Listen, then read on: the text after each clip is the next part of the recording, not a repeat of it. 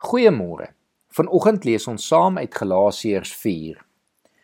Hierby wil ek nog dit sê: Solank 'n erfgenaam nog minderjarig is, verskil sy posisie nie werklik van die van 'n slaaf nie. Al behoort die hele erfenis aan hom. Tot die dag wat sy pa bepaal het, staan hy onder toesig van voogte en word sy besittings deur bestuurders beheer. En so is dit ook met ons. Toe ons nog geestelik onmondig was, was ons slawe van wettiese godsdienstige reëls. Maar toe die tyd wat God daarvoor bepaal het aangebreek het, het hy sy seun gestuur. Hy is uit 'n vrou gebore en van sy geboorte af was hy aan die wet onderworpe om ons wat aan die wet onderworpe was los te koop sodat ons as kinders van God aangeneem kon word. En omdat ons sy kinders is, het God die gees van sy seun in ons harte gestuur en in ons roep hy uit Abba dit beteken Vader. Jy is dus nie meer 'n slaaf nie. Jy is nou 'n kind van God en omdat jy sy kind is het God jou ook sy erfgenaam gemaak. Daar was 'n tyd toe jy nie vir God geken het nie en slawe was van niks werd afgode. Maar Nou dat julle hom leer ken het of liewer nou dat hy julle ken, hoe val julle dan nou weer terug na daardie minderwaardige en armsalige wettiese godsdienstige reëls?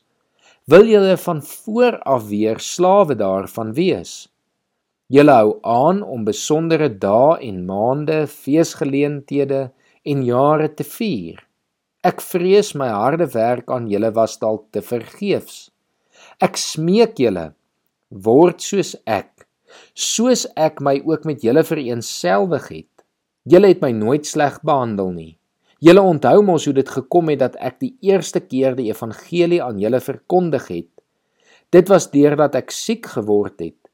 En al was my toestand vir julle 'n versoeking om my te verag of selfs te verfoei het julle dit nie gedoen nie.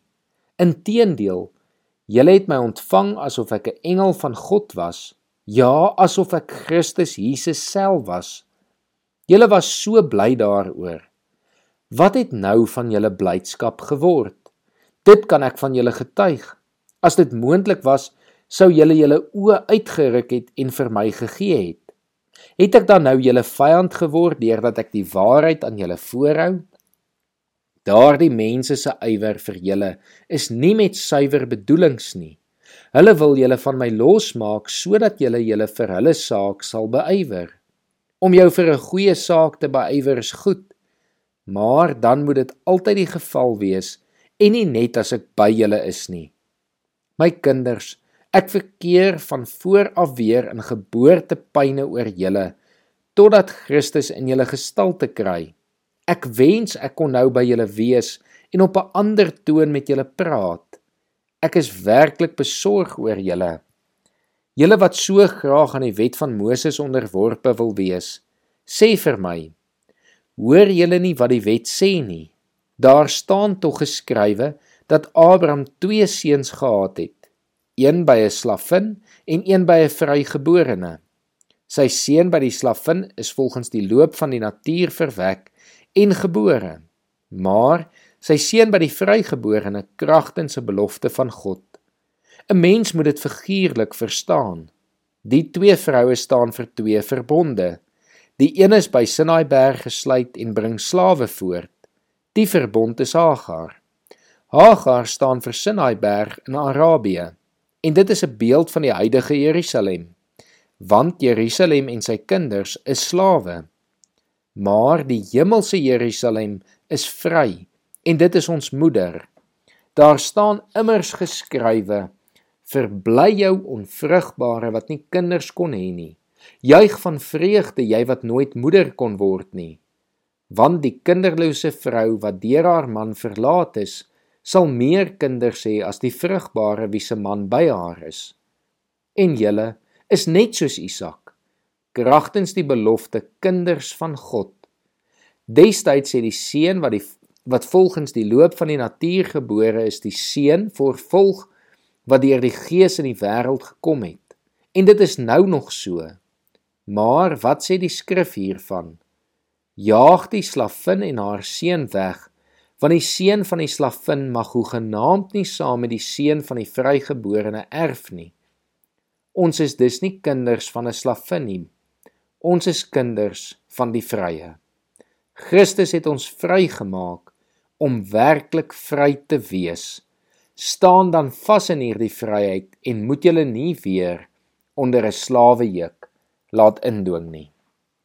Vers 6 sê jy is dus nie meer 'n slaaf nie. Jy is nou 'n kind van God. En omdat jy sy kind is, het God jou ook sy erfgenaam gemaak. Gaan leer sommer vandag hierdie vers uit jou kop uit en sê dit 'n paar keer vir jouself op. Mag jy dan vanuit hierdie identiteit as kind van God leef om die erfenis wat op jou wag in ontvangs te neem. Maar moet nie aan hierdie sondige wêreld gelyk word nie. Moet nie weer aan godsdienstige reëls en regulasies vasgemaak word nie. Leef in die vryheid wat jy nou as kind van God het en onthou dat Christus jou vrygemaak het om werklik vry te wees. Kom ons bid saam. Here, dankie dat U Gees in ons liggame uitroep na U toe as Vader, dat ons U as Vader kan ken omdat U U seun gestuur het wat ons verlos het van ons nuwe mense gemaak het, wat gemaak het dat ons nou kinders van God is. En Here dat ons as u kinders in hierdie wêreld kan leef. Help ons en lei ons om so te leef, Here, dat mense deur ons vryheid ook u liefde en u genade kan beleef. Amen.